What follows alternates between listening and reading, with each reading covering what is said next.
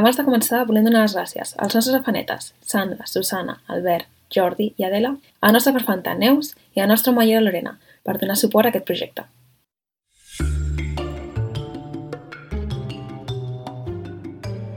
Benvinguts a Malandre Criminal, el podcast on comentem documentals de crims de la manera més cutre possible, perquè no sabem fer-ho millor. Jo sóc la Carla. Jo sóc la Marta. Jo sóc la Clara. Carla, Què? Explica-li a la Clara una mica el que vam fer la, la setmana passada. Doncs mira, el que vam fer va ser fotre'm una matada de fer quilòmetres Sí? perquè vaig anar a buscar la Marta Martorell. Després vaig anar fins a Granollers, fucking Granollers, a buscar el Jacint. I després vaig anar fins a Vilassar. Molt bé. I tot això d'anada, però després havia de fer el mateix de tornada. Uh -huh. I que va ser una mica dramàtic en aquest aspecte. Però per la resta de coses va estar molt bé perquè vam anar... bueno, ens van convidar al Festival Vilassar de Noir. Uh! Uh. Festival de Literatura i Cinema Negre. Sí. I allà uau. el que vam fer va ser doncs, fer un podcast en directe. I què tal l'experiència?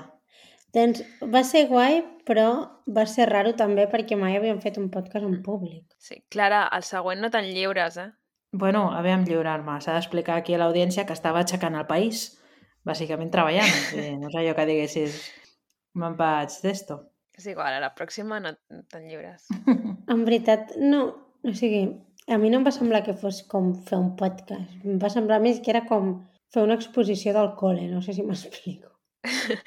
Sí, però perquè, hem vingut aquí òbviament, no és el mateix. a parlar-vos de el Kennedy i d'aquest documental que hem vist, però ser una cosa raríssima, la veritat. Sí, no, ens faltava la cartolina. No, guai, però en, també és veritat que ens faltava un micròfon, eh? Si hem vingut aquí a queixar-nos. Sí, ens faltava un micròfon i era una mica estrany perquè la Carla i jo Va perdre molt. ens havíem d'anar passant el micròfon. Clar, llavors jo no, no es podia fer en plan tan dinàmic, perquè, clar, si m'haig d'esperar que em passi el micròfon per fer la broma, això no té gràcia. Va ser una mica estrany, però va ser guai. Però en general va estar bé. El que més em va agradar és que vam poder conèixer malandrins, Sí, ens van vam venir a veure. a Quina enveja. Mm. a dos, Ens van preguntar per Dos i tu, mig. eh? dos i mig. Jo, m'hagués agradat anar. Mm, Però Sí, bueno, a la propera, aviam si a la propera puc. Sí, no, a la propera mm, t'agafes festa. Vaig jo per la mató, m'és igual. I en general va ser una experiència guai, va ser positiu. I el millor del món és que vam conèixer la Tura. Jo, que guai. Quina Mhm. enveja. Vam O conèixer sigui la que-. Vam conèixer, vam conèixer diversa gent. O sigui, el- el Justin Sí, ens anava però- portant de persona en persona a presentar-nos. El Això. que passa que la nostra ídola per excel·lència des Mm. del minut 1 ha sigut sempre la Tura. El que passa que ens vam posar nervioses i no li vam dir res. Sí, No li vull dir res, vaya tela. no o li vam sigui, dir res. li vam dir Bueno, plan... clar, és que Hola. a sobre el Jacint ens va, ens va vendre un muntó perquè diu eh, si és que són superfans teves, estan com boixes per tu. I clar, la Tura en plan, pues aquí estic, saps? En plan, I nosaltres en plan... no sé, Ai, no... Vaya Però bueno, home, Um, és que fatal. Per la gent que, una, no va estar a Vilassar i dos, encara no... Bueno, no ho va veure en directe perquè ho estaven reproduint en directe i tres, no ho ha vist en diferit. I quatre, sou la Clara. I quatre Perquè jo són no Teniu tampoc. una última oportunitat. No el miris, vull dir, bueno, no sé, doneu-li audiència a Vilassar, Home, però jo no, no vull miqueta. saber-ne res. Però miqueta. teniu avui i ara l'oportunitat de sentir el que vam fer a Vilassar, perquè al cap i a la fi vam gravar un podcast en directe. És el nostre primer episodi en directe. Mm. Per, Per tant, vosaltres serà com un podcast. Per nosaltres no va ser com un podcast. veureu que la dinàmica és una mica diferent per tot el que dèiem. No, i que a més també que no, no està la Clara i està el Clar. Jacint. Vull dir que també el canvi de persona també es nota. Clar, el Jacint estava convidat, el qual també va ser guai, perquè ell anava molt més informat que nosaltres. Efectivament. I... Sí. Per variar, no? I res. Deixem l'episodi. Ah, no, no, res, no, espera, espera, que, que No. no, que ens falta una cosa. Laura. Perquè, clar, és això... Ostres, Bueno, vinga, ànims, 3 hores foscant fantàstic. Perquè, clar, no hem de perdre les nostres tradicions. No, aquí no ens ho saltem. Si hem incorporat una cosa nova, la fem a tots els episodis. Clara, dia 6 d'octubre de 2022, què passa aquest dia? Sí. Avui és el dia europeu de la depressió. Hòstia, Lo qual, bueno, trist. cosites, saps? En plan... Uh, En Ah, hem de a posar, favor o en contra? Posar... com? A- En Aviam. contra de la depressió, a favor de la salut mental. Vale. Home, és que si estàs a favor de la depressió, No, home, no? A veure, tenim un problema. a favor i en contra, doncs és que haig de dir. Molt Haig de dir, mira, a favor de tenir depressió, home, clar. Que no passa I- res si la tens. Ningú et jutja. De moment, Home, ara veu. mateix no. No passa res, sí que passa. No, no tu personalment, Clara, parlava en Ah. Sí, no, no. S'ha de buscar ajuda. El que Ara l'ajuda és cara, anem a dir-ho aquí també, en plan... Sí. Dir, Crítica. però bueno, això. I ahir és un dia encara molt més important, perquè clar, és un dia mundial, no un dia, un, no un dia europeu, que és el dia mundial de James Bond. Oh! Uau! Lo qual he de dir que és, probablement no he vist mai cap pel·lícula de James Bond, ja ho dic aquí, perquè totes les que he Jo- vist les he començat a veure amb el meu pare i, i dic, no, passo. Mira, et diré el mateix. Crec que les úniques que he vist són les del Pierce Brosnan i perquè ma mare tenia un crush. I per què és el Pri- Pierce Brosnan, en plan... I perquè és el, Pierce- per això, perquè és el Pierce Brosnan. I, i potser alguna de la Sean Connery eh, mai, m'ha- sempre m'han semblat avorrides. Sí, no, a mi tampoc No m'han agradat. A més, plan, no sé si les he vist. l'atenció. A més, és tipus, a part de que són... Jo aquí ja, ja vaig guanyar amb amics. A part de que són bastant misògines, eh, o sigui, hi ha una explosió i surt ell sense ni un rasguny a la cara. Anem a veure, per favor. Bueno, però això és típic Això de no té gràcia. Ja, Però que em té gràcia, a mi fa això és gràcia, el contracte. Bueno, doncs per això no miro, però no m'agrada. és, és, el, és un contracte no escrit, tu has de creure. Ja, Clar. Esto és així. Però el que són misògines sí que és veritat. O una sigui miqueta. Les últimes suposo que han millorat, però Que... Espero. Bueno, pots comptar. ho hauríem de veure. No, però els fans de James Bond, doncs felicitats, no? Eh, que passeu un bon dia. Bueno, No, ahir. Que era ahir. passéssiu ahir un bon dia i jo què sé, endavant, A tope. cadascú a lo seu. Veus, a mi les pel·lícules de James Bond em donen depressió. Veus? Veus, cadascú tot té la seva connexió. ho enllaça com pot, clar. Molt bé, doncs amb això us Aquí hemos deixem l'episodi en directe des del Festival Vilassar de Noir que es deia, com es deia? JFK, JFK, Teories de la teories- conspiració. yes. No? Molt bé. Molt bé. Molt bé, mm, esperem que el gaudiu i si no, doncs jo què sé, us espereu la setmana que ve. Comencem, doncs, el torn de tarda. Uh, diuen que ara és l'hora crítica, però crítica va ser per Kennedy, de fet, l'hora.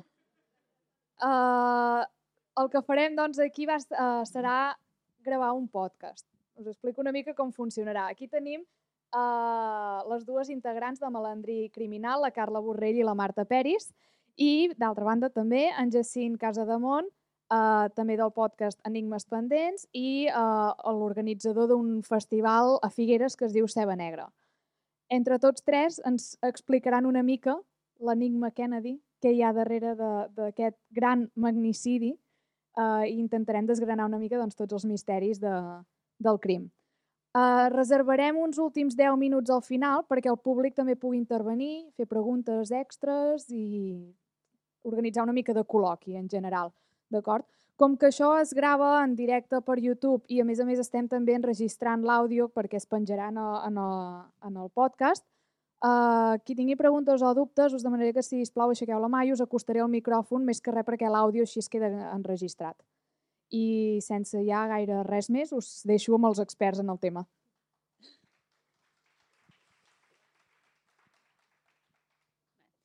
Hola, benvinguts a tots. Uh, si no esteu familiaritzats amb nosaltres, amb Malandrí Criminal, uh, som la Carla, jo, i falta una altra persona que no ha pogut venir, però per això avui tenim el Jacint com a convidat especial. Um, moltes gràcies a Vilassar de Noir per convidar-nos, és la primera vegada que fem una cosa així, i si no es- esteu familiaritzats amb nosaltres, com fem les coses és intentem tenir una conversa més que explicar-vos aquí un rotllo. Intentem entre nosaltres anar comentant el què i tal. O sigui que serà més relaxat i, bueno, el que intentem és passar-nos una mica bé, no? Sí. Llavors, uh, Carla, vols dir alguna cosa? Um, bueno, so- s- per qui no ens conegui, la nostra dinàmica del podcast ve a ser que nosaltres veiem un documental sobre un crim i ens basem en aquest documental per eh, comentar les coses que nosaltres hem vist, creiem, comentem també què ens ha semblat doncs, més el tema del documental, com està fet i aquestes coses. I en el documental que hem vist per avui es diu eh, JFK, eh, cas revisat, el trobareu a Movistar Plus i si el voleu veure després, doncs està bastant bé. Jo no puc aportar gaire més perquè ho han dit molt bé, o sigui que Vale, doncs tenim una dinàmica nosaltres que és que abans de començar algú ens ha de fer una pregunta, en aquest cas serà el Jacint. Te'n recordes de la pregunta? sí, sí. Vale. Uh, qui és el malandrí? El malandrí d'avui, tècnicament, és un senyor que es diu Lee Harvey Oswald. Veurem si al final de l'episodi seguim amb la mateixa teoria. Vale? Llavors, anem a ficar-nos ja amb el documental. El documental comença amb el fet de l'assassinat en si, que és molt simple, ja veureu.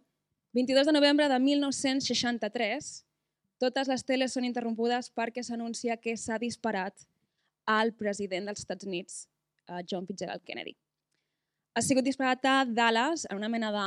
Què li diria? Una car... No una carrossa, va, un cotxe. Una rua, exacte, molt bé, gràcies. Um, I han, sí, han disparat a, al senyor Kennedy, m'estic fent un lío important, um, al cap, d'un tret al cap, vale? mor instantàniament, d'un tret al cap. També es dispara al governador de Texas, perquè Dallas està a Texas, que és un senyor que es diu Connelly. Se'ls trasllada directament a l'hospital, tothom està molt afectat, es veuen imatges del públic, la gent que estava allà molt afectada, gent plorant. Què dius? Vale? No sé. Home, Marta, és que han viscut un trauma en directe. Vull dir, la gent té dret a estar una mica afectada, no? Sí, sí, vale, sí, tens raó. Uh, el trauma és important. Um, I després, Kennedy era catòlic, igual ho sabíeu això, i van dos sacerdots a l'hospital i en comptes de fer una conferència oficial dient que oficialment el president és mort, surten els dos sacerdots i confirmen el, la gent, el públic, que està mort de la manera més cutre possible. I això és bàsicament el crim. Aquí ja hem acabat una mica amb el que és el crim. Però el Jacint ens dona una miqueta de context històric per entendre per què tothom estava tan afectat per la mort de Kennedy, no? Sí, a veure, Kennedy no l'hem d'entendre simplement com un president més dels Estats Units. Està considerat un del, el tercer president dels Estats Units més important pels canvis que va comportar, per ser el reflex de l'avenç de la societat del moment. Tenim Lincoln, Roosevelt i el tenim a ell. El 60 és una època que venim de la Segona Guerra Mundial, els Estats Units ha pujat, és potser la potència més gran que hi ha en aquell moment, i tot semblen flors i violes. Alhora, però, comencen a aparèixer signes de que aquella nació que sembla impoluta té problemes. Descobrirem més tard que realment aquests problemes existeixen, però aquí encara hi ha aquesta visió tan maca, tan clara, tot plegat. I queda encarnada molt bé per Kennedy, que era un president, com hem dit, catòlic, i que és el més semblant que els Estats Units podia tenir en aquells moments a una monarquia. Com tots sabeu, els Estats Units és una república, però sempre han viscut fascinats per la figura aquesta que el representi i sigui com una família, un llegat d'una família potent, eh, que fa les coses bé, innovadora i de més. I Kennedy era el candidat escollit dins de la família perquè fos el president dels Estats Units. Per què era important? Estava en contra de la segregació, volia refredar tots els temes de la Guerra Freda, estava en contra de Vietnam, tot el que eh, la part més que es posa a la societat americana no volia, ell ho volia canviar. I tenia a favor del públic, tant per les seves idees una mica revolucionàries com per la seva imatge. És el primer president que utilitza els mitjans de comunicació de manera molt intel·ligent per guanyar-se el públic. Era un personatge que es feia estimar. tot i que tenia, tenia merders interns dins les seves relacions, les seves addiccions i a més, la seva imatge anava més enllà d'això del que deia, de, del típic president dels Estats Units, sinó que era un símbol. Per això, quan va morir, va ser com si es trenqués tot plegat. Després tenim Martin Luther King, tenim el Watergate, i tot es va emmerdant, emmerdant, emmerdant. Però per això va ser tan, tan, tan important. Sí, no, que volia comentar això que deies de, del, que sigui una figura potent com a família, que el representi també, eh, va molt dins d'aquesta idea del somni americà, la família americana, família blanca amb la seva caseta, la seva baia, la seva, blanca també, tot amb floretes, històries, i que també eh, aquesta família ho representava no? en, certa, en certa manera. Ell era aquest, aquest estereotip, però també la seva dona, que a més era molt guapa, i sempre s'ha comentat molt i tot això. I també aquesta fascinació igual també dels americans amb el que és la família re, bueno, real anglesa també, perquè representa això i a més eh, doncs això que estaven com, sí, sí, que molt fascinats amb, amb, amb Kennedy. Eh, Kennedy i la, tota la seva família és el que volien ser tots els americans. Clar, Gent guapa, intel·ligent, amb poder, que viuen bé, que tenen molts fills, com tu dius. Una família perfecta. Sí. Almenys això semblava, perquè de família perfecta tampoc ho eren tampoc, tampoc. i tampoc van córrer gaire sort cap dels seus membres. No, després ja, Ho comentarem, però ja ho explicarem. Eh, sí. Doncs, alguna més? hi ha una pregunta que no hem fet. Quina? Fes-la tu. Qui d'aquí creu que aquest assassinat que hem comentat és simplement un llop solitari que ataca el president o que hi ha una conspiració? Qui cregui que hi ha una conspiració darrere o alguna cosa que no ens han explicat, que aixequi la mà, sisplau. Que sapigueu que Estats Units pensa com vosaltres. S'han fet enquestes no fa pas tants anys i em sembla que era un 70-80% de la població creu que dar- darrere de tot plegat hi ha un complot. De qui? No ho sabem. Ho intentarem descobrir, però no ho sabem. Ho direm.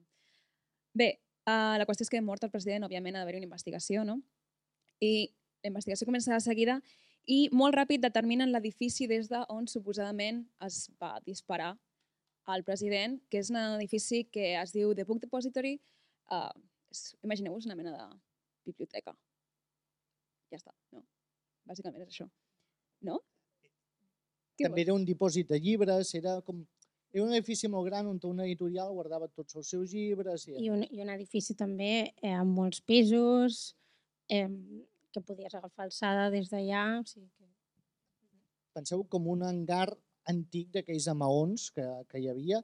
És això, hi treballava molta gent, o sigui, tampoc era un lloc abandonat ni molt menys, que això ens ajudarà després a veure que algunes coses fallen, o sigui, que era un lloc bastant normal. Uh, llavors, quan determinen que aquell és l'edifici des d'on s'ha disparat, de seguida col·loquen, segons certs testimonis, col·loquen el senyor uh, Lee Harvey Oswald, que és un, un home que treballava en aquell edifici, un home de 24 anys, i poc a dir de moment, de moment sobre aquest senyor.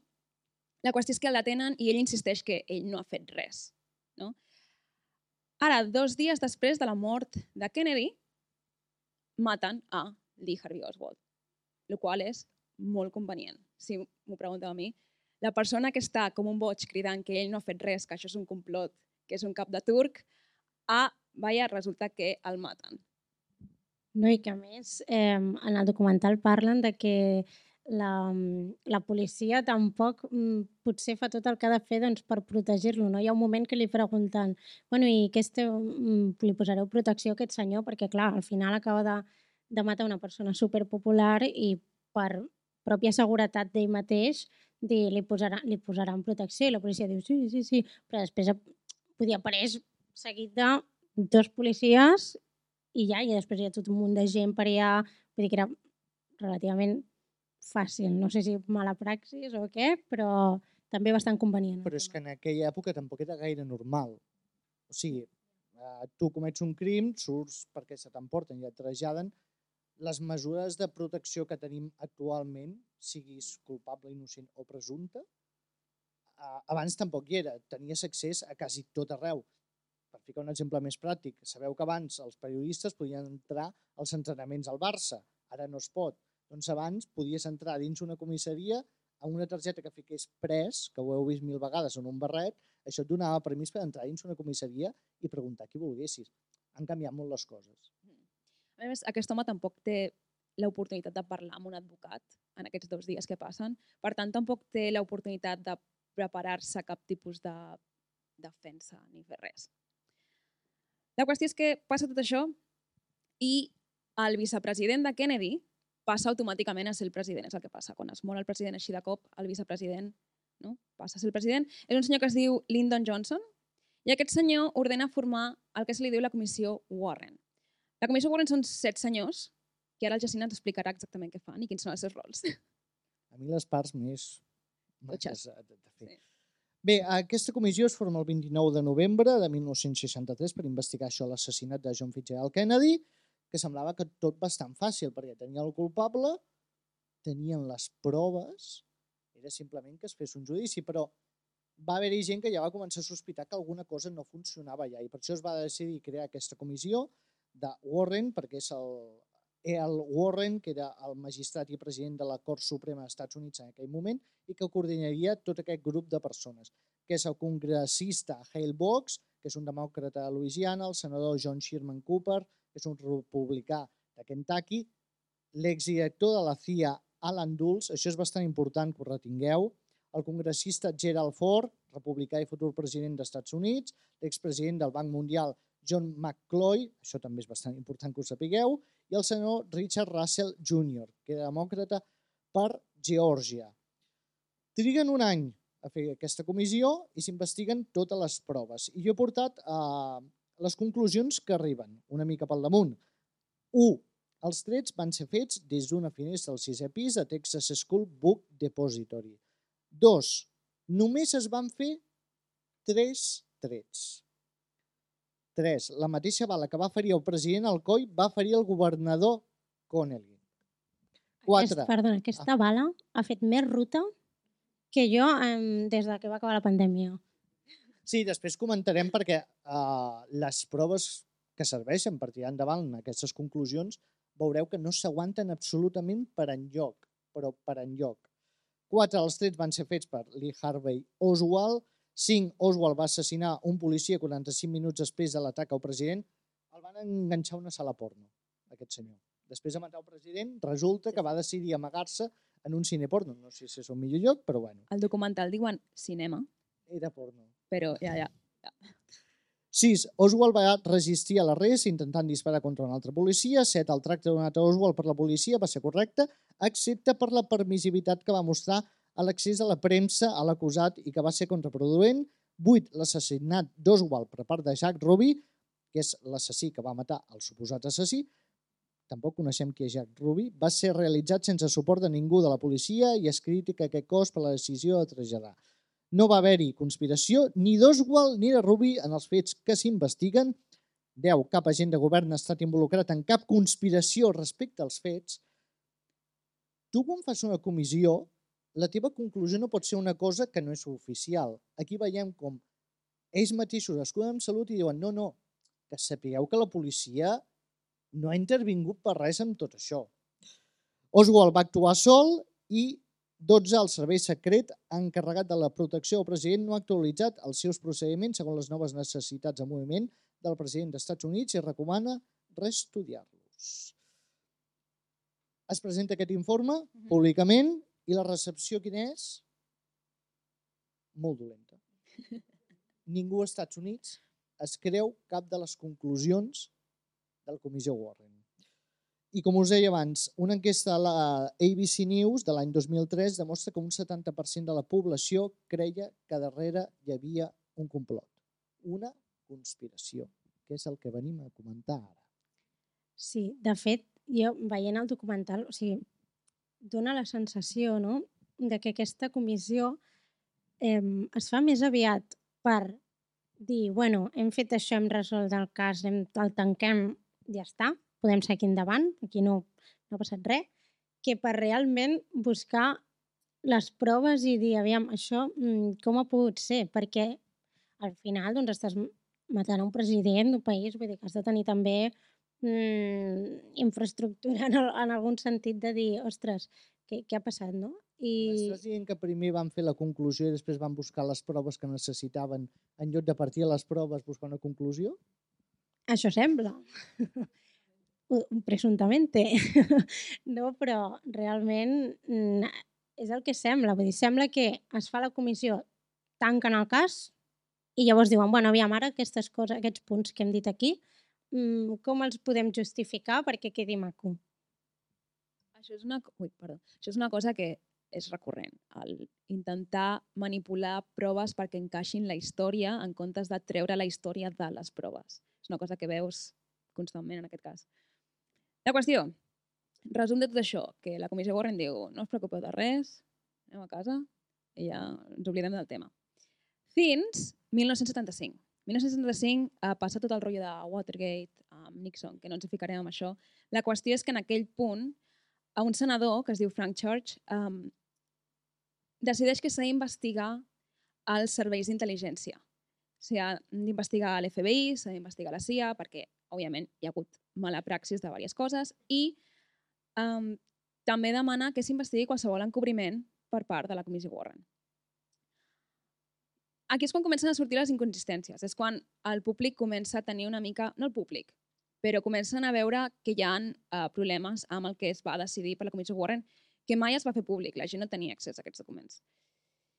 Però al final d'aquesta investigació, els arxius tornen a amagar-se, diuen, ja hem fet la nostra investigació, sí, bueno, hi ha inconsistències, però bueno. I el 2029 donarem accés al públic a tots aquests documents que estan guardats perquè ningú vegi. 2029, bé, encara no m'ha arribat. Um, aquí és on el documental es tiren floretes a si mateixos, el documental que hem vist nosaltres, diuen però nosaltres, el 1991, vam fer un altre documental on parlàvem de que això no es podia veure i la gent es va emprenyar tantíssim que el govern va manar que sí que es fessin públics. I Aquesta miqueta- veueta intentes imitar Oliver Stone? Sí, sí. La veritat és que durant molta part del documental no estava segura de qui parlava, perquè no estava segura de, de en plan, d'on surt aquesta veueta. Bé, sí. a, la pel·lícula que parla és uh, John Fitzgerald Kennedy, o JFK, la pel·lícula que heu vist, en Kevin Costner, que va ser un petardazo, i és cert que això va remoure les consciències i va fer que es... Bueno, Sí.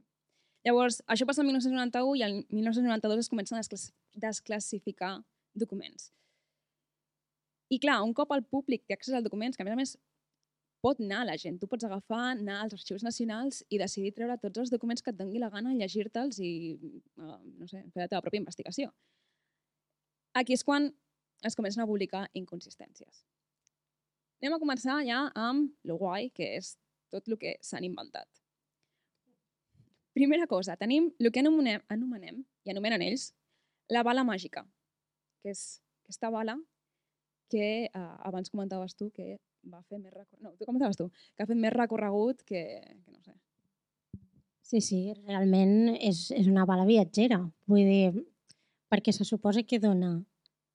Bueno, Ara, ara anem. A l'edifici troben tres casquets de bala, no? Diuen, vale, doncs tres casquets vol dir tres bales. No ens plantegem ni que algú n'hagi recollit més, ni menys, ni res. Tres bales. Una, una de les bales, la que no ens importa gens, va donar al carrer, o va donar... no va anar enlloc, no va tocar res. Um, la tercera bala que es dispara és la que és el tret al cap de Kennedy. I la primera bala és la bala màgica. Aquesta bala, una sola bala, se suposa que ha causat set ferides. Dius, com?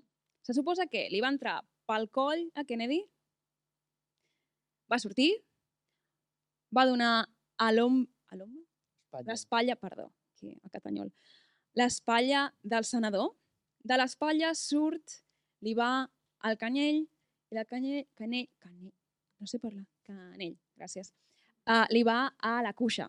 En total, entre entrades i sortides són set ferides. Um, llavors, hi ha un senyor que es diu James Hunt, que és un senyor que s'avorria molt. I va anar, és un senyor que no tenia res a veure amb res. Un senyor que va anar a llegir a la, als arxius nacionals sobre el tema i ell mateix veu que hi ha inconsistències en um, la cadena de custòdia de la bala màgica. És a dir, la primera persona que va trobar la bala, que li va donar una altra persona, que li va donar una altra persona, que li va donar una persona, fins que va arribar al laboratori, aquesta bala. Um, clar, això dona peu a per què el laboratori, que és el punt final de la bala, arriba a, quina hora és? A les 7.30 de la tarda, quan la persona que se suposava que va portar la bala al laboratori la rep a les 8, a les 8.50, com quasi una hora i mitja més tard, no? Les hores no coincideixen. I a més a més, després, quan parlen amb la gent que suposa que va anar passant-se aquesta bala d'una persona a l'altra, ningú recorda la bala. Ningú té ni idea de si aquella bala és la real o no, la que van tocar o no. I a més que és una bala que després de fer set ferides està estupendament. O sigui, està, no està danyada, no està... Vull dir, realment és com si, mira, com si és la que haguessin de posar en el rifle llavors. Està estupenda després d'haver passat per dos cossos i tres extremitats. Ah, Això és el que fan experiments balístics per dir ni que hagués travessat un os, aquesta bala estaria feta amb nyap. I està sencera, està treta de la caixeta. Sí, sí, a més que la bala apareix al no-res, Mm -hmm. perquè aquesta bala apareix, ningú sabia on havia anat aquesta bala, i resulta que traslladant un dels cossos a l'hospital, algú aixeca el cadàver i diu, ah, mira, aquí hi ha una bala.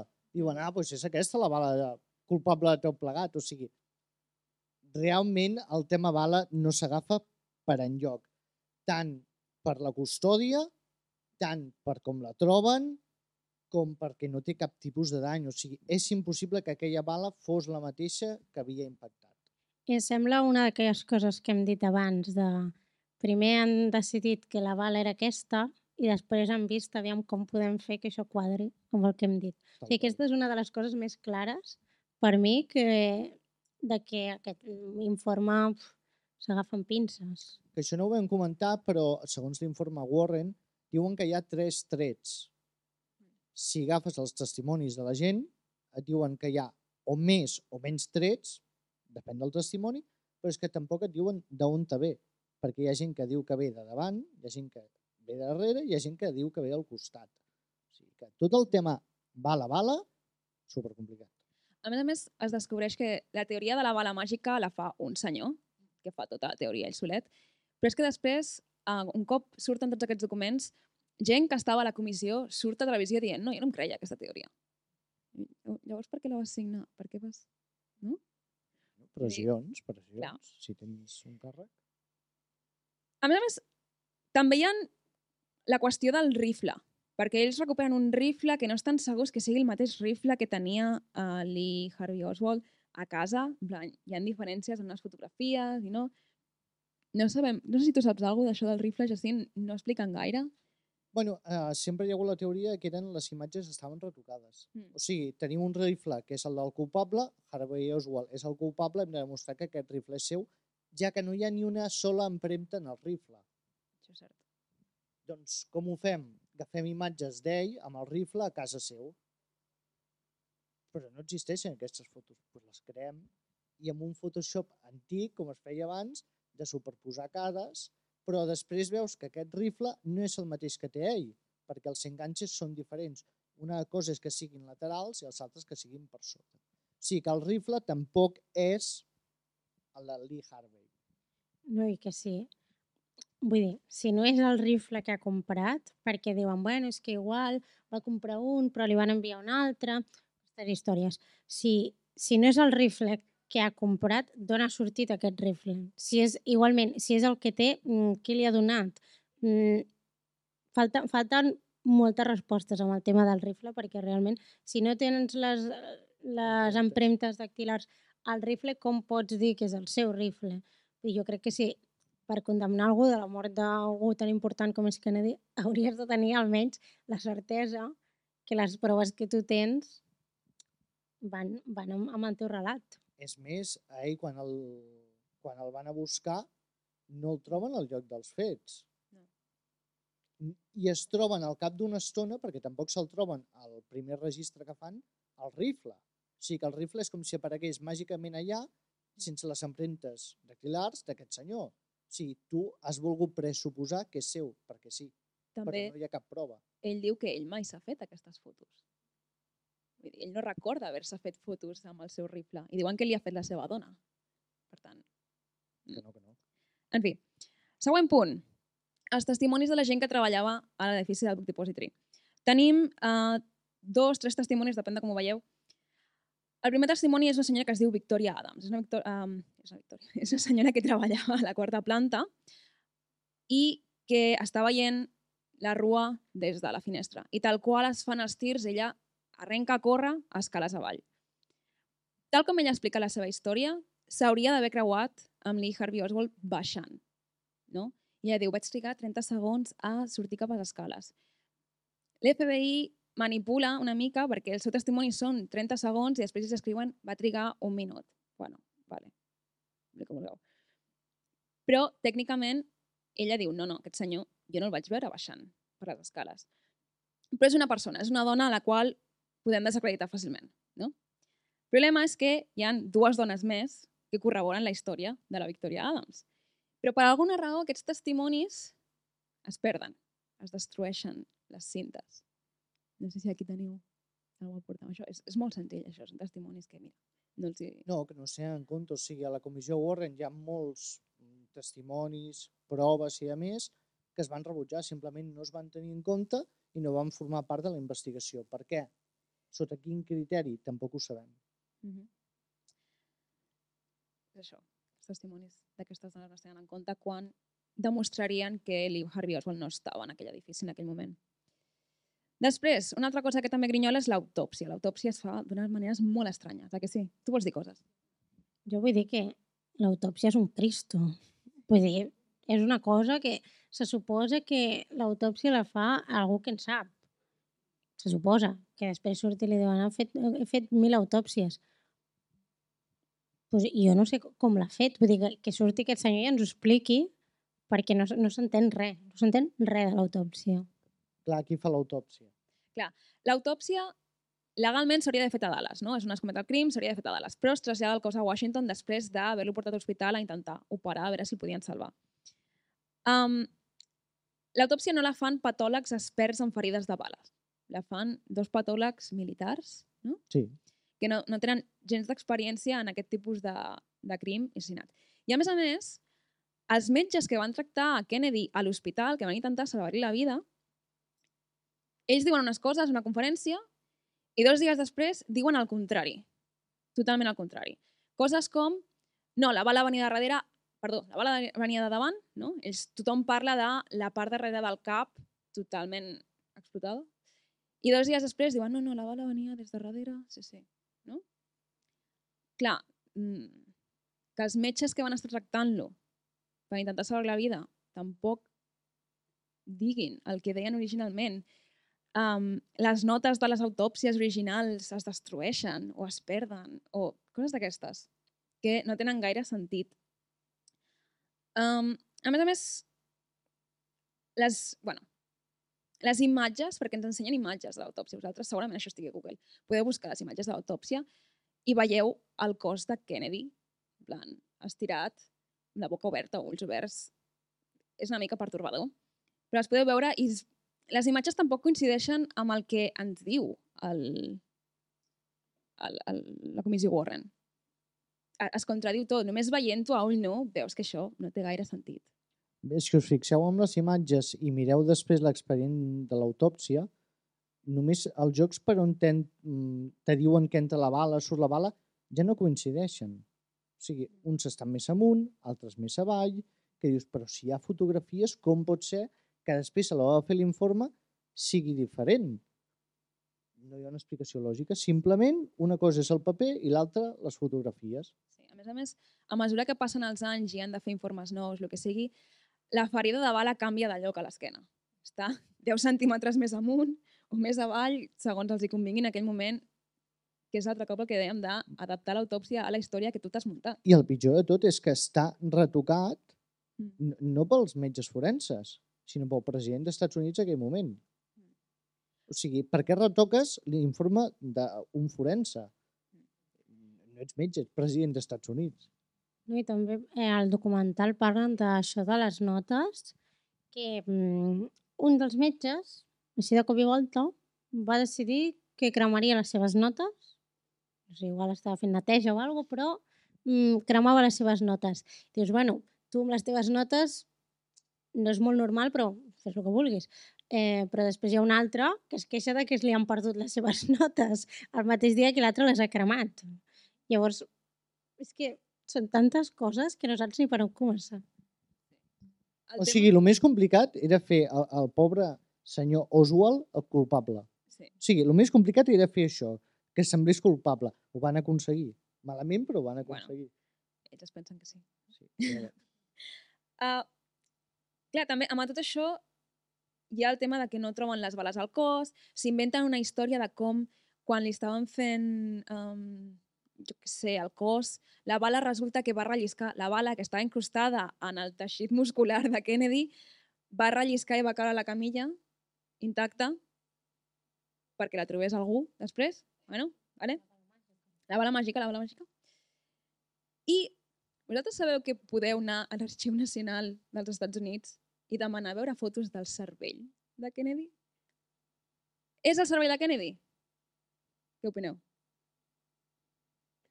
No sé, no el conec d'abans, no sé... A mi em sembla curiós que puguis veure totes les fotos de l'autòpsia, veus el cos, veus el cap destrossat, però no pots veure les fotos del cervell, que és un òrgan com qualsevol altre. Però, vale. Bueno, també s'ha de dir que hi ha una cosa molt curiosa a les fotos de la de l'autòpsia, perquè tothom qui va veure el cos diu que no és Kennedy, que no s'hi assembla absolutament. La mateixa persona que revela les fotos que és Diu- el seu fotògraf oficial de Kennedy, que el Sí. coneix de fer-li fotos cada puto dia, Sí, també diu que en plan, però no s'assemblava. la seva dona ho diu, diu, és que no és ell. A més, hi ha dos fotògrafs. Hi ha un fotògraf oficial que fa les fotos de l'autòpsia, després hi ha un altre senyor que també fa fotos, però que no se sap qui l'ha manat anar allà ni què ha fet.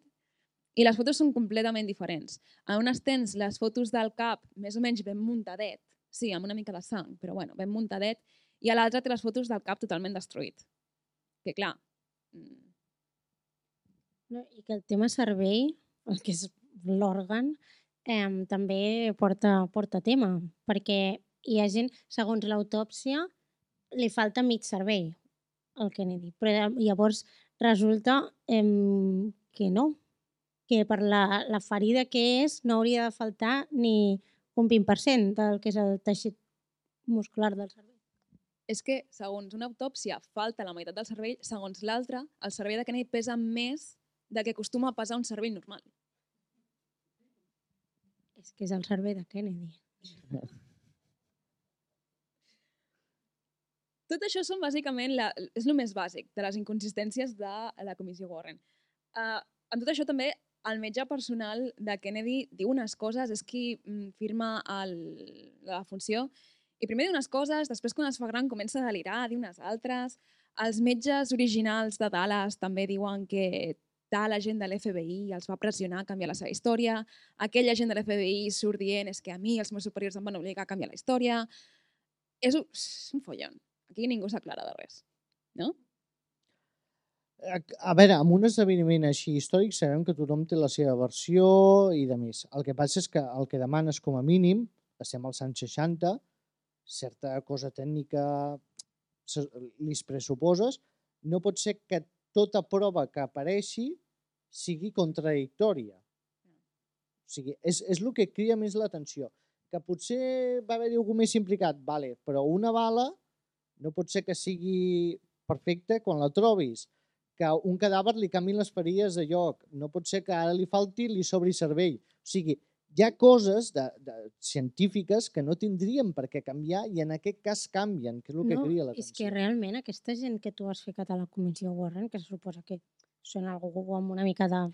Però si t'hi fixes, suposa. no són gent especialitzada en coses d'investigació No, però ni... jo crec que són gent amb una mica de capacitat com perquè les coses que s'inventin almenys se les inventin bé. Saps? En plan, si vas a copiar, doncs canvia les paraules. Doncs és aquesta, almenys si t'ho inventes, que tingui una mica de sentit, perquè és que totes les coses que diuen és que no hi ha ni una que, que puguis agafar i dir, bueno, vale, això doncs concorda una mica amb el que és amb el, la resta de testimonis o la història o el que sigui, és que no, no donen una. És fascinant. ets l'FBI, aprèn a mentir, com a mínim. No? Bé, d'aquí, quan el públic ja té totes aquestes inconsistències, no? la gent ja se n'adona, és quan comencen a sortir les teories. Teories com que Oswald potser no tenia res a veure, no? que potser no va tenir justícia. I aquí, totes les teories, el Jacint ens explicarà una miqueta. Bueno, co co comencem per la que no és teoria de la conspiració, sinó que és real i que crida molt l'atenció. No sé si coneixeu o seguiu la família Kennedy, però és que potser la gran conspiració és la sang dels Kennedy. Perquè resulta que si comencem a mirar, en qüestió de molts pocs anys han mort molts membres, concretament 11 de la família Kennedy, tots en circumstàncies que criden l'atenció com a mínim. Començant per uh, Joseph Kennedy, que mor el 12 d'agost del 44, quan explota el seu avió de manera casual. Kathleen Kennedy mor en un accident aeri sobre França el 13 de maig.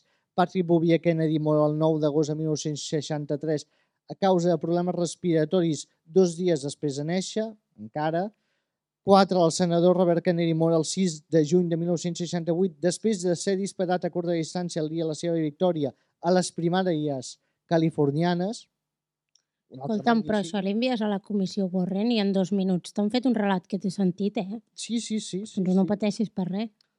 David Kennedy, que és el fill d'en Robert, va morir a sobredosis el 84. Michael, Michael Lemoyne Kennedy, un altre fill de Robert, mor el 31 de desembre del 97 en un accident d'esquí.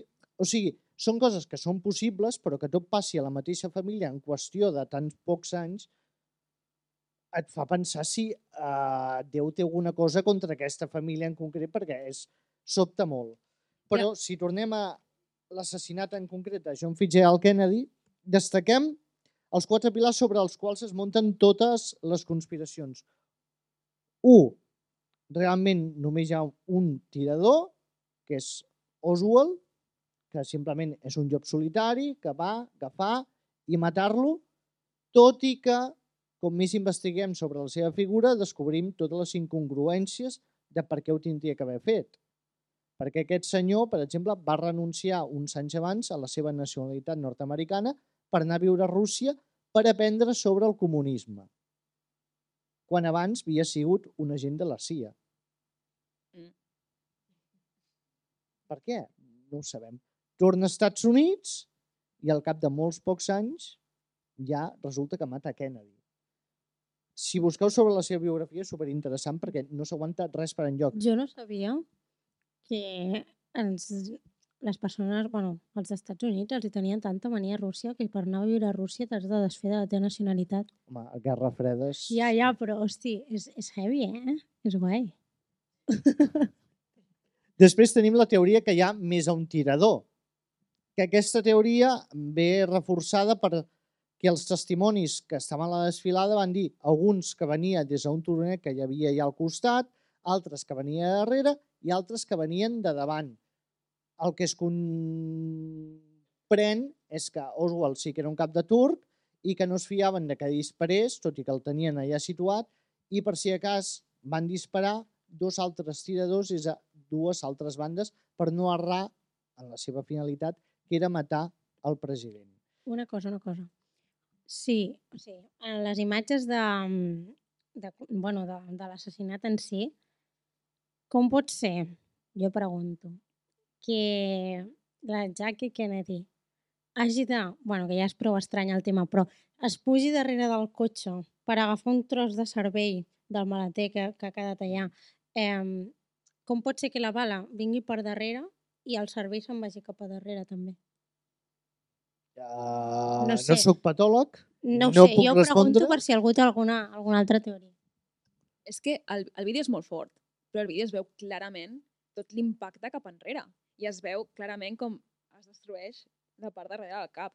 I també el que dèiem de la Jackie, molta sang freda, perquè és que apenes li veus el xoc, simplement es gira i agafa el tros de cervell. Què dius? T'acaben de disparar el marit al cap al costat? Jo, jo Vosaltres crec- giraríeu a agafar el tros de cervell? jo crec que ella tampoc té clar què ha passat. Ella veu algú volar i ho agafa.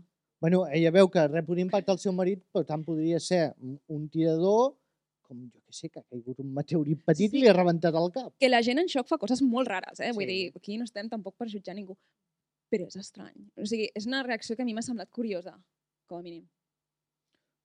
Ja et dic, és que aquella època jo tampoc crec No que estic fos... involucrant-la en res, eh? Vull dir, no estic aquí suggerint que... Oh, oh, oh, oh, mai se sap. Teoria nova. No, no, no estic suggerint això. Però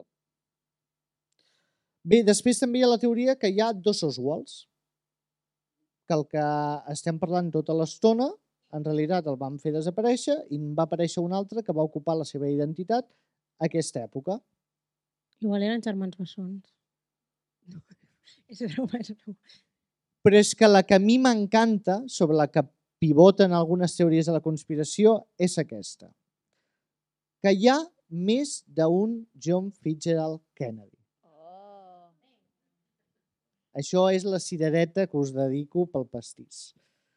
Resulta que hi ha un agent de la policia de Nova York, si no recordo malament, que es diu J.D. Tippit, que tenia una semblança extraordinària amb el, president, amb el president dels Estats Units i que casualment va morir pocs dies abans de que assassinessin el president.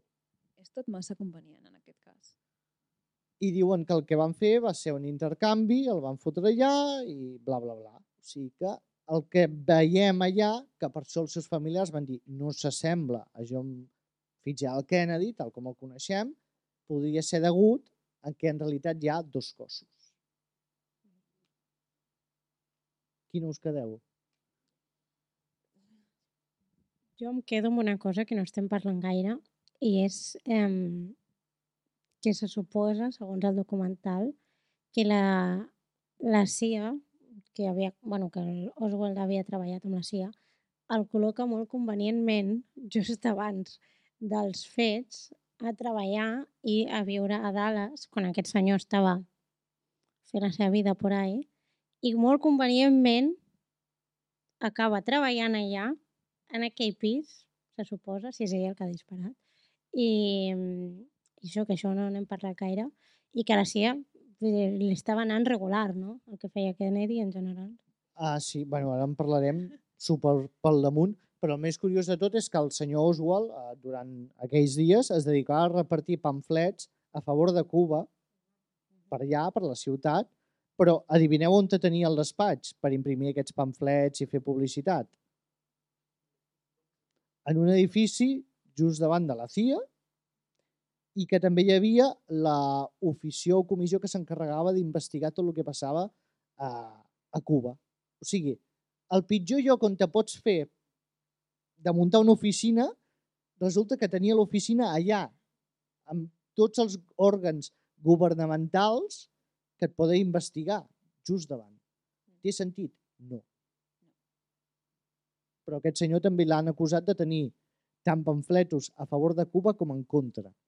Ja, això és una part en la qual va ser una mica estrany. Jo em vaig quedar una mica perduda amb això. que Decideix-te. A, a favor o en contra. Clar, No. tothom que el coneix diu que per res era comunista. O sigui, que era super nord-americà, que, que, que estava en contra del comunisme.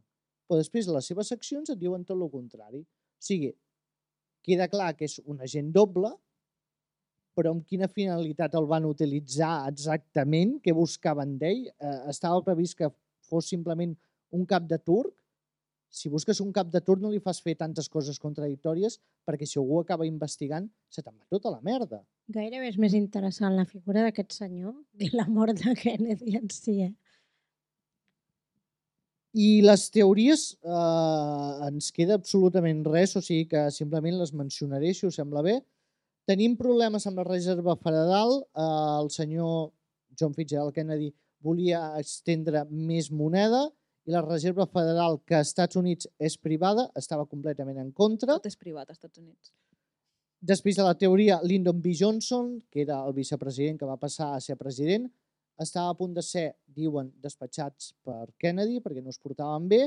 A més que Lyndon B. Johnson és un personatge que, si investigueu, és bastant obscur perquè tenia tractes amb la màfia, tenia tractes amb l'FBI i tothom li estava fent xantatge en aquells moments. Després tenim la connexió texana, que és Robert Kennedy, el germà de Kennedy, estava investigant la, tant la màfia com Lyndon B. Johnson i diuen que va ser una consorci entre la màfia i Lyndon per acabar amb el president. Després tenim Nixon, que es portava a matar amb els germans Kennedy perquè creia que li havien tret la presidència quan li pertocava a ell. Tenim la CIA, que la CIA també estava en contra de Kennedy perquè la CIA era super mega anticomunista, recalcitrant, i en Això- canvi... Això, perdó, això sembla eh, com quan, va, pujar, bueno, quan van escollir el nou papa, que tothom deia que duraria dos dies. massa per l'espalda és el cas Kennedy. Vull dir, lo raro és que aguantés tant aquest senyor, eh? Bueno, si no hauria mort bastant aviat, perquè Sí, anava amb- completament drogat perquè tenia dolor sota tot el cos, la seva vida era un infern. Bueno, doncs, i, bueno, Després també tenim l'FBI, que és quan Hoover el van fer president vitalici de l'FBI. També tenim els problemes amb Israel, que veiem malament la figura de Kennedy. I per últim, els anticastristes i a més, que veien que era molt suau amb tot el tema de, de Castro, veia Cochino, ja ho sabeu. I de més, o sigui que culpables en sobren. Veritats en falten. No, no ho descobrirem pas aquí. Que maca t'acaba la reflexió. Sí, sempre final, estic allà. molt pum, poètic. pum, pum. Ara, uh, què queden? 10 minutets? Uh, em sembla que havíem d'oferir, Sí. si volia fer alguna pregunta, reflexió, algú que hi hagi pel públic, Si algú té algun comentari que vulgui fer, si voleu dir la vostra, aixequeu la mà plan, no té i, per què ser una pregunta, podeu simplement dir Tampoc- el, el que vulgueu. i que no siguin preguntes difícils, perquè, a veure, Ah, no, no, vull dir, el nostre nivell d'investigació ha sigut veure un documental. home, no. El- el que Jacint sí, el Jacint sí. sí que... Sí, sí, perdó, perdó, perdó, parlo per nosaltres, parlo per Gràcies. nosaltres. Veure un documental, potser llegir-te mitja pàgina de Wikipedia i crec que tu has entrat a Reddit. El Jacint sí, el Jacint potser sí que té més informació, però clar, Sí, sí, fi, sí, si algú té algun comentari, ara o mai. les preguntes al Jacint. Gràcies. Exacte, sí, sí. sí. Tingues companys. No? Ningú té alguna pregunta, un comentari? Bé, espera un segon, segon, que ho gravarem.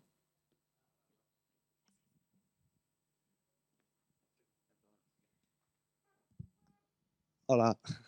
No, bueno, comentari que simplement, vull dir, tot el que heu dit, és bastant obvi que estem parlant d'una conspiració. De fet, el 69, en el judici, ja es deixa entendre que sí que estan d'acord que probablement hi ha hagut una conspiració perpetrada per la CIA, pels serveis secrets, inclús pel mateix govern, per Lyndon B. Johnson, però que al final el judici no tira endavant perquè el, el fet, el, el que s'estava tractant era Clay Shaw, que era que sí estava vinculat amb aquesta conspiració i van, van, decretar, van decretar que no.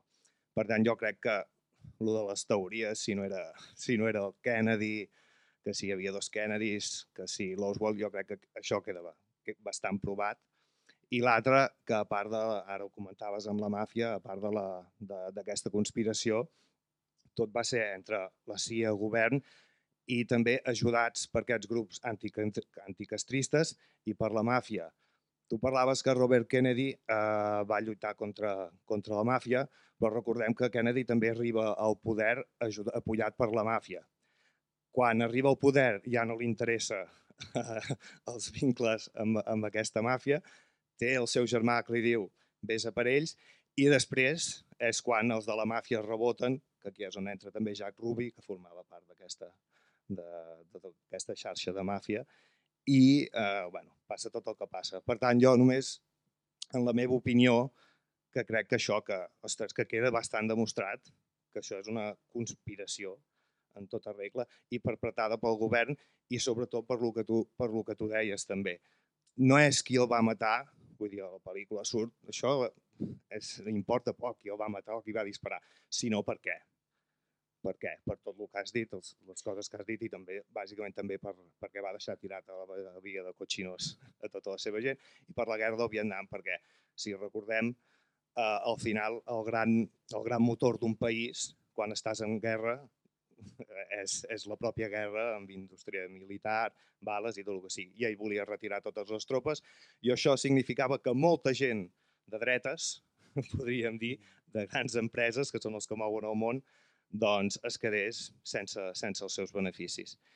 I només era això, que crec que, bueno, que la conspiració crec que està bastant, bastant, bastant provada i ara suposo que van desclassificant, quan van desclassificant els documents, encara hi ha trossos amb negreta, mm. però ja suposo que ja, ja, ja ho aniran fent, suposo que ho anirem veient. I de la, lo de la comissió Warren, jo crec que tantes incongruències és perquè quan tu tens la CIA, els serveis secrets i el govern a darrere, tant és el que hi posis. Podien haver posat tres bales màgiques, en podien haver posat quatre, podien haver dit qualsevol cosa que era igual. Vull dir, aquella gent era el, el, fisc, el fiscal de la Cort Suprema. Tots, tots els altres estaven vinculats amb la CIA i amb els serveis secrets. Els hi era igual el que fiquessin, crec jo. Però tu qui creus que va ser? Uh, espera, uh, el que va disparar? No, el que va ah. disparar no. Tu qui ah. creus que realment va ser el que va dir matem-lo? Els, els serveis secrets i la banca militar.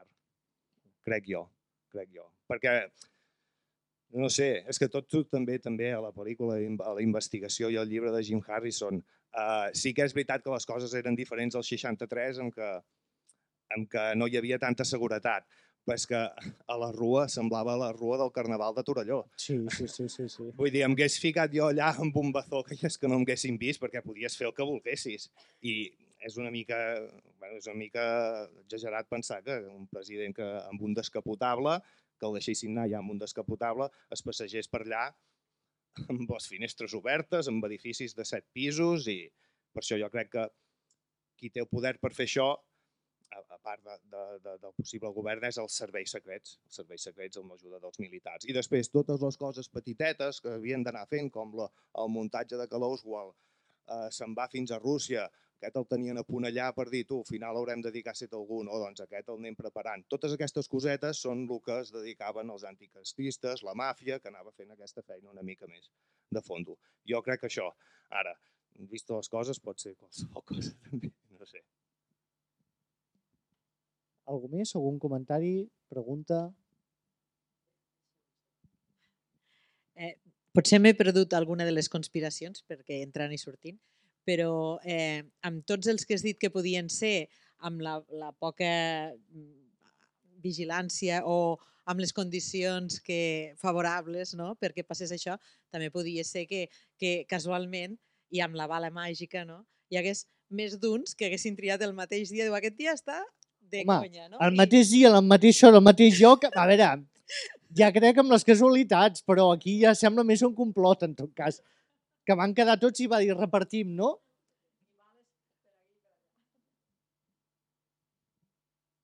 no això, que, això que deies, eh, sí que... O sigui, el mateix dia, no sé si es van posar d'acord, eh, però sí que s'han trobat com bastantes històries que diuen abans en el, en el documental sobre que hi havia plans molt semblants mesos abans de les característiques, bueno, molt, molt semblants que havia de passar exactament el mateix i al final no va passar per X o per Y, però, però que el mateix dia no, però que altres dies ja estava planejat també.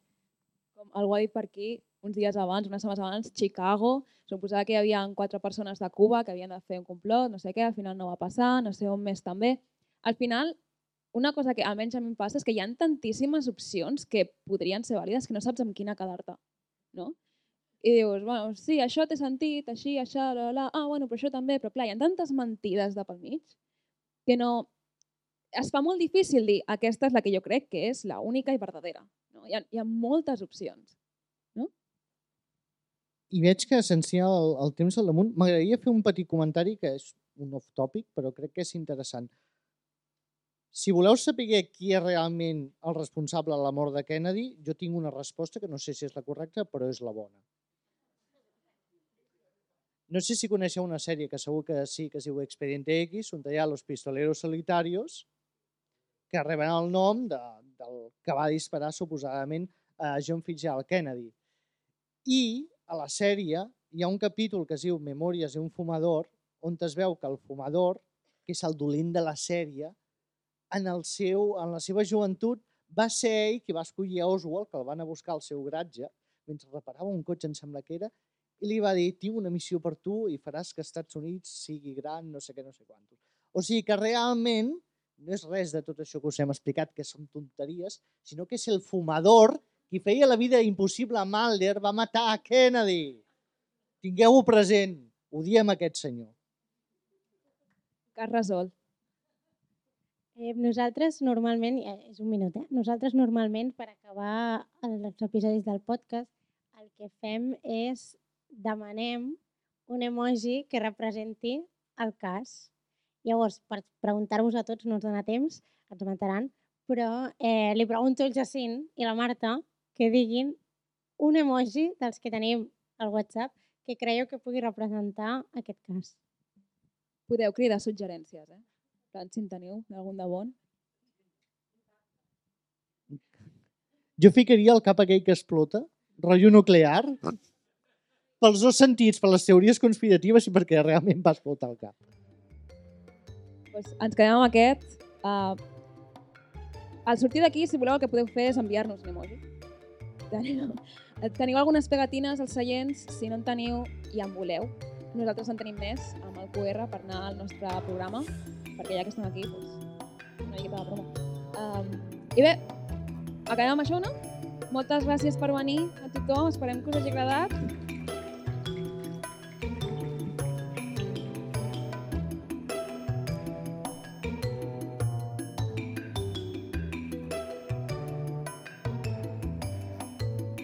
Fins aquí el programa d'avui. Si us ha agradat i us heu entretingut, podeu subscriure-us.